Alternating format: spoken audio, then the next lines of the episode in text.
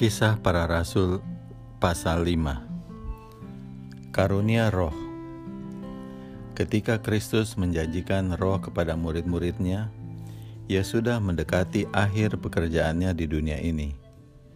Ia sedang berdiri dalam bayang-bayang salib dengan penuh kesadaran beban yang terletak atasnya sebagai penanggung dosa. Sebelum mempersembahkan dirinya sendiri sebagai korban sembelihan, Yesus memberi petunjuk kepada murid-muridnya mengenai pemberian yang paling penting dan sempurna yang dikaruniakannya kepada para pengikutnya. Pemberian yang akan membawa di dalam jangkauan mereka sumber-sumber yang tidak terbatas akan rahmatnya. Aku akan minta kepada Bapa, katanya, dan ia akan memberikan kepadamu seorang penolong yang lain, supaya ia menyertai kamu, yaitu roh kebenaran. Dunia tidak dapat menerima dia, sebab dunia tidak melihat dia dan tidak mengenal dia. Tetapi kamu mengenal dia, sebab ia menyertai kamu dan akan diam di dalam kamu. Yohanes 14 ayat 16 dan 17. Juru selamat menunjuk pada waktu bila mana Roh Kudus harus datang untuk melakukan pekerjaan yang besar sebagai utusannya. Kejahatan yang sudah tertimbun berabad-abad lamanya harus dikalahkan oleh kuasa ilahi dari Roh Kudus. Apakah hasil dari kecurahan roh pada hari Pentakosta? Kabar gembira tentang juru selamat yang telah bangkit telah dibawa ke penjuru dunia yang didiami. Sementara murid-murid mengabarkan pekabaran anugerah penebusan, hati diserahkan kepada kuasa pekabaran ini. Sidang melihat orang-orang yang bertobat berkumpul kepadanya dari segala jurusan. Orang-orang yang murtad telah bertobat kembali Orang-orang berdosa bersatu dengan orang-orang percaya dalam mencari mutiara yang mahal harganya. Mereka yang telah menjadi penantang-penantang Injil yang paling gigih menjadi pemenang-pemenangnya. Nubuatan digenapi, orang yang tersandung akan menjadi seperti Daud dan keluarga Daud seperti malaikat Tuhan. Sakaria 12 ayat 8 setiap orang Kristen melihat di dalam saudaranya kenyataan kasih dan kebajikan ilahi. Terdapat suatu minat besar, satu pokok pelajaran dari perlombaan yang mengesampingkan hal-hal lain. Cita-cita orang-orang percaya adalah untuk menyatakan tabiat Kristus dan bekerja untuk memperluas kerajaannya. Dan dengan kuasa yang besar, rasul-rasul memberi kesaksian tentang kebangkitan Tuhan Yesus, dan mereka semua hidup dalam kasih karunia yang melimpah-limpah. Kisah 4 ayat 33 Di bawah pekerjaan mereka telah ditambahkan kepada sidang orang-orang pilihan yang menerima kabar kebenaran, menyerahkan hidup mereka kepada pekerjaan untuk memberikan kepada orang lain pengharapan yang memenuhi hati mereka dengan damai dan kesukaan. Mereka tidak dapat ditahan atau ditakut-takuti oleh ancaman. Tuhan berbicara melalui mereka, dan sementara mereka pergi dari satu tempat ke tempat yang lain, orang-orang miskin menerima kabar Injil yang dikabarkan kepada mereka, dan mujizat-mujizat rahmat ilahi telah dikerjakan. Dengan kebesaran Allah dapat bekerja, jika manusia menyerahkan diri mereka kepada pengendalian Roh Kudus. Diulang.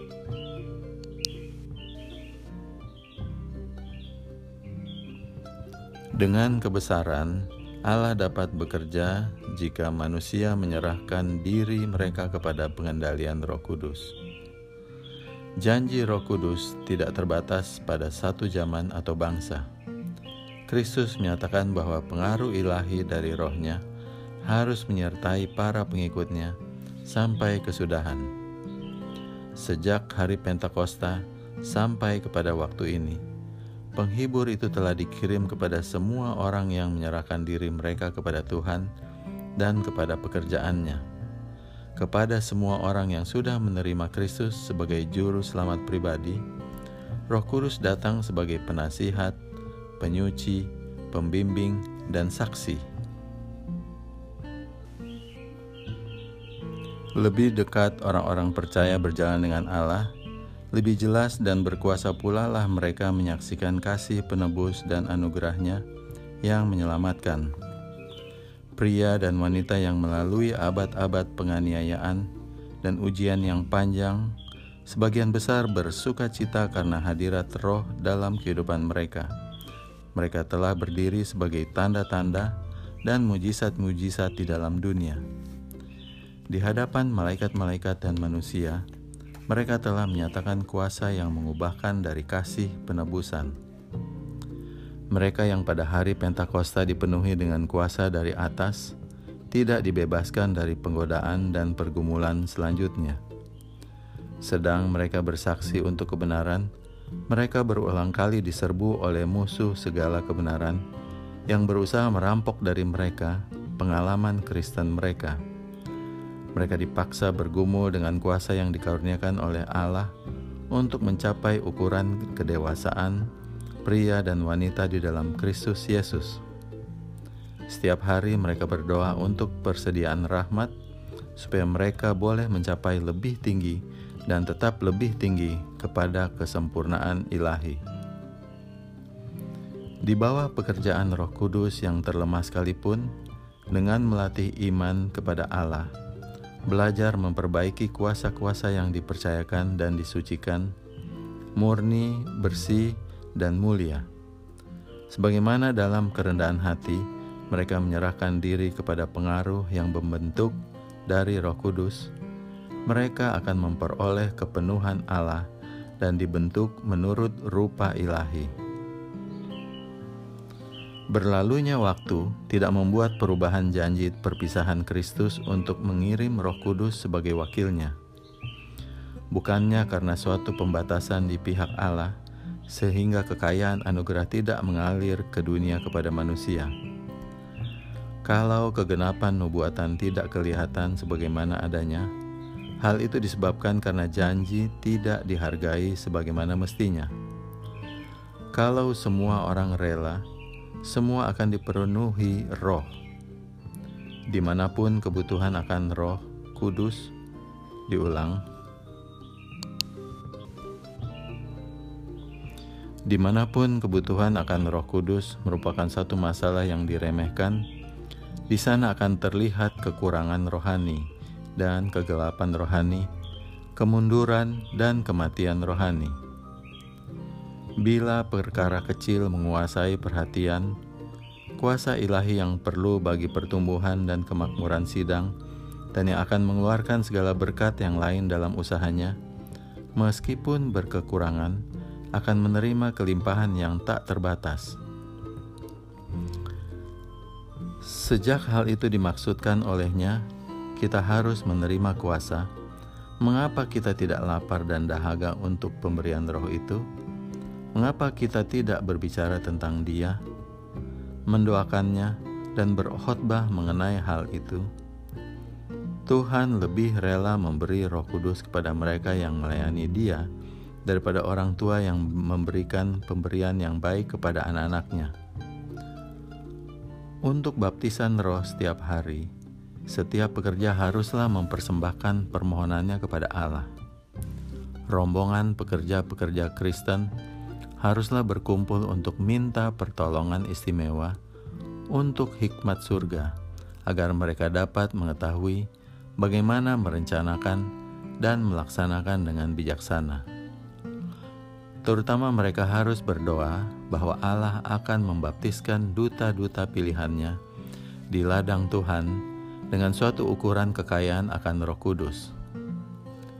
Kehadiran Roh bersama pekerja-pekerja Allah akan menjadi pemasyuran kebenaran, suatu kuasa yang tidak segala kuasa atau kemuliaan dunia dapat berikan.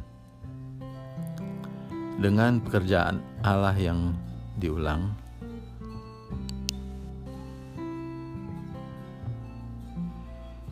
Dengan pekerja Allah yang berserah, di mana pun ia ada, Roh Kudus akan beserta. perkataan yang diucapkan terhadap murid-murid diucapkan juga kepada kita. Penghibur itu adalah milik kita, sama seperti milik mereka. Roh itu menyediakan kekuatan yang menyokong jiwa yang berusaha dan bergumul dalam setiap keadaan, di tengah kebencian duniawi dan kesadaran akan kegagalan dan kesalahan mereka sendiri.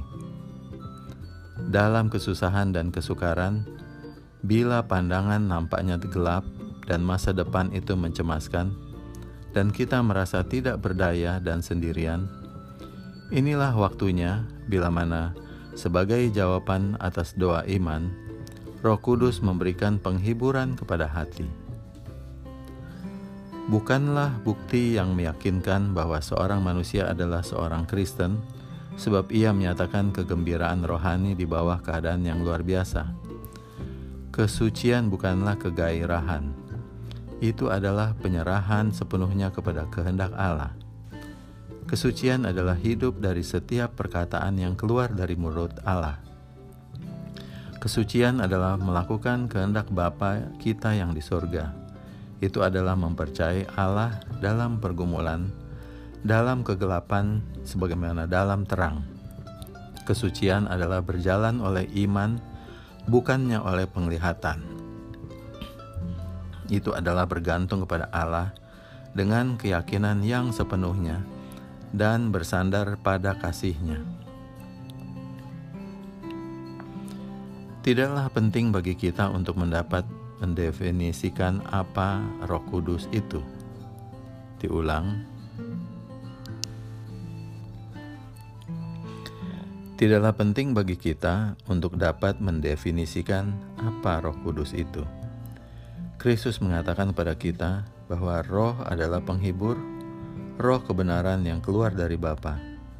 Dengan jelas diterangkan mengenai Roh Kudus bahwa dalam pekerjaannya memimpin manusia kepada segala kebenaran, ia tidak akan berkata-kata dari dirinya sendiri.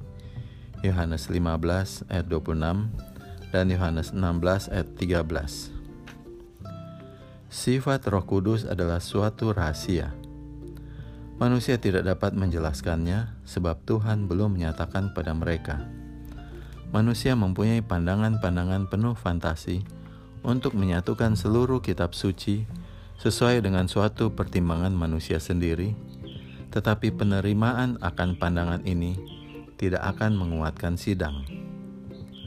Mengenai rahasia seperti itu yang terlalu dalam bagi pengertian manusia, berdiam adalah emas. Pekerjaan Roh Kudus dengan jelas ditentukan dalam perkataan Kristus, dan kalau Ia datang, Ia akan menginsafkan dunia akan dosa, kebenaran, dan penghakiman. Yohanes 16 ayat 8. Roh Kuduslah yang menghukumkan dosa Jikalau orang berdosa menyambut pengaruh yang menghidupkan dari Roh Kudus, ia akan dibawa kepada pertobatan dan dibangkitkan kepada pentingnya menurut tuntutan ilahi. Kepada orang berdosa yang bertobat, lapar, dan dahaga akan kebenaran, diulang.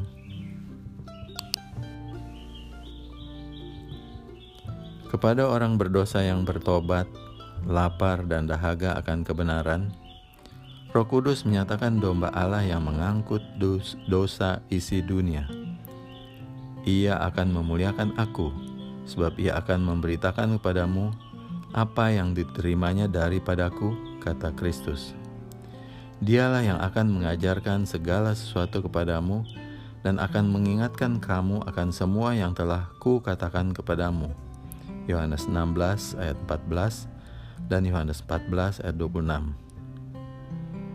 Roh itu diberikan sebagai alat untuk membarui, untuk membuat keselamatan itu berhasil oleh kematian penebus kita. Roh Kudus selalu menarik perhatian orang-orang pada persembahan besar yang telah diadakan di salib Kalvari untuk membuka kepada dunia kasih Allah dan untuk membuka kepada jiwa yang berdosa perkara-perkara yang indah dari kitab suci. Setelah menyatakan keyakinan akan dosa dan mempersembahkan hadapan pikiran standar kemudian diulang Setelah menyatakan keyakinan akan dosa dan mempersembahkan di hadapan pikiran standar akan kebenaran itu, Roh Kudus menarik kasih dari perkara-perkara dunia ini dan memenuhi jiwa dengan keinginan akan kesucian. Ia akan memimpin kamu ke dalam seluruh kebenaran. Yohanes 16 ayat 13, kata juru selamat. Jika manusia rela untuk dibentuk, akan ada suatu penyucian untuk segala makhluk. Roh akan mengambil perkara-perkara Allah dan mencapkannya kepada jiwa. Oleh kuasanya, jalan kehidupan akan dijadikan begitu jelas sehingga tidak seorang pun perlu bersalah dalamnya. Sejak permulaan, Allah telah bekerja oleh Roh Kudusnya dengan perantaran manusia untuk pelaksanaan maksudnya untuk kepentingan bangsa yang telah jatuh. Hal ini dinyatakan dalam kehidupan bapak-bapak. Kepada sidang di padang belantara juga, pada zaman Musa, Allah mengaruniakan rohmu yang baik untuk mengajar mereka. Nehemia 9 ayat 20 Dan pada zaman Rasul-Rasul, ia mengerjakan bagi sidangnya melalui perantaraan roh kudus. Roh yang sama yang menunjang bapak-bapak dan yang memberikan kepada Kaleb dan Yosua iman dan keberanian menjadikan pekerjaan sidang rasul-rasul itu berhasil telah menjunjung tinggi anak-anak Allah yang setia pada tiap-tiap zaman berturut-turut adalah melalui diulang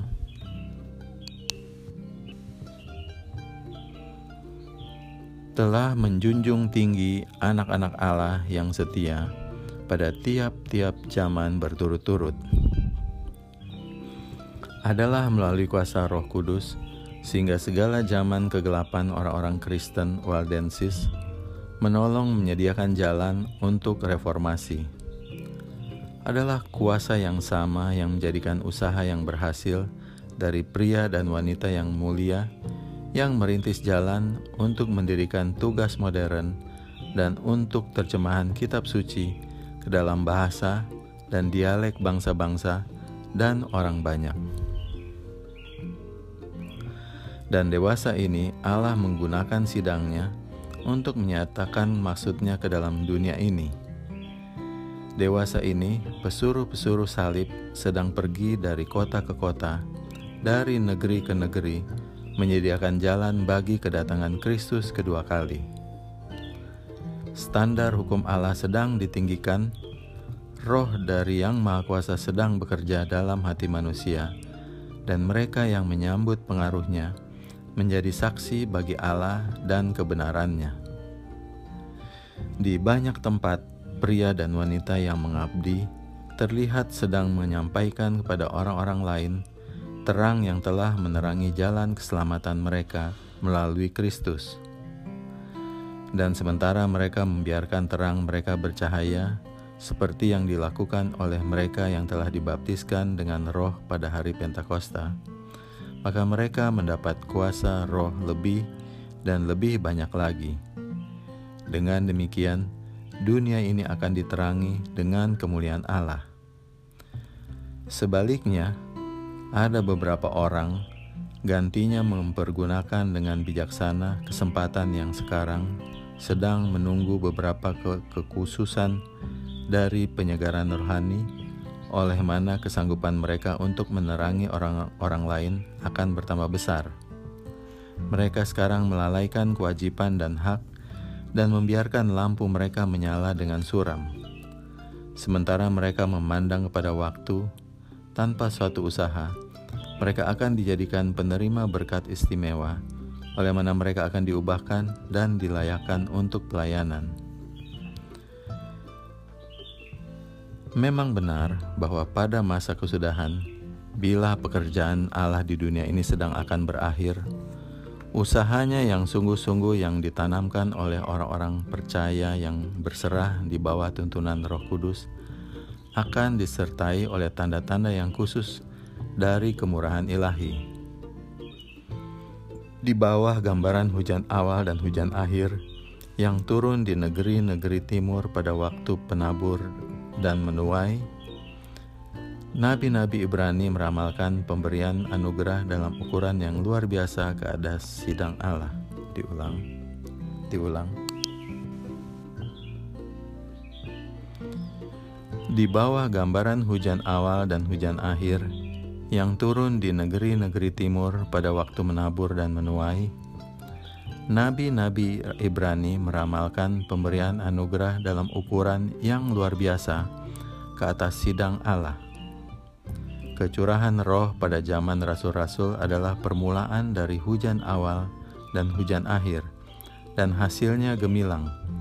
Sampai kepada akhir zaman, hadirat roh akan tinggal bersama sidang yang benar. Tetapi menjelang berakhirnya penuaian dunia, suatu kecurahan yang istimewa akan rahmat rohani dijanjikan untuk menyediakan sidang bagi kedatangan anak manusia. Kecurahan roh ini disamakan dengan turunnya hujan akhir, dan adalah untuk kuasa yang bertambah ini, orang-orang Kristen harus mengirimkan permohonan mereka kepada Tuhan. Penuaian itu pada akhir musim semi sebagai sambutan diulang.